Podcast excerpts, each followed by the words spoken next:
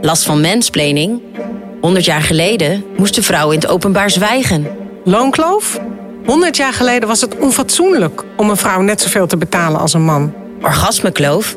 100 jaar geleden was een vrouw zondig als ze haar mans lusten niet volgde.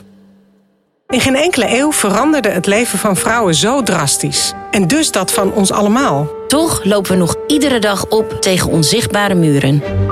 Mijn moeder werd handelingsonbekwaam omdat ze vrouw was.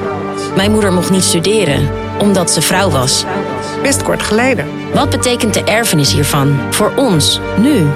Dat onderzoeken we in de nieuwe podcast De Eeuw van de Vrouw. En dus die van ons allemaal. Ik ben Susanna Jansen, schrijfster van onder andere Pauperparadijs. De bestseller. En van het boek De Omwenteling of de Eeuw van de Vrouw. En ik ben Rachel van der Pol, podcastmaker en een generatie jonger.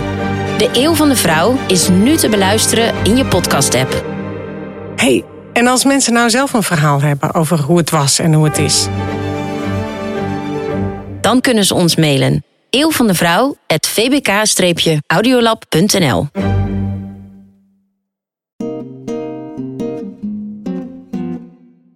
Welkom bij Lieve Els. Een podcast waarin ik brieven beantwoord over terugkerende patronen die jou ervan weerhouden het leven te vieren. En zo zie je maar weer dat patronen uh, die onvoldoende aan zijn gekeken, ja, die gaan door vaak naar de volgende generaties. En een van de wetmatigheden is ook van dat wat je afwijst bij je ouder, dat installeer je ook vanuit een onbewuste loyaliteit bij jezelf. Mijn naam is Els van Stijn. Ik ben coach, familie- en organisatieopsteller en auteur. Bekend van de bestseller De Fontein, Vind je plek.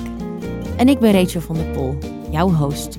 Ik laat nooit in een opstelling uitspreken: ik hou van jou. Want dat resoneert niet. Ik laat wel uitspreken: ik zie je. En dan voel je gewoon dat er in een lichaam iets anders gebeurt. Dus de Belgen hebben het veel bij ik zie u graag. Oh ja, prachtig hè? Ja.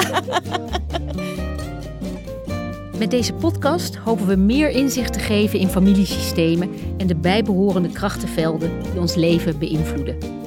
Ik leef. En dat neem ik als een groot geschenk aan, want het leven is bijzonder.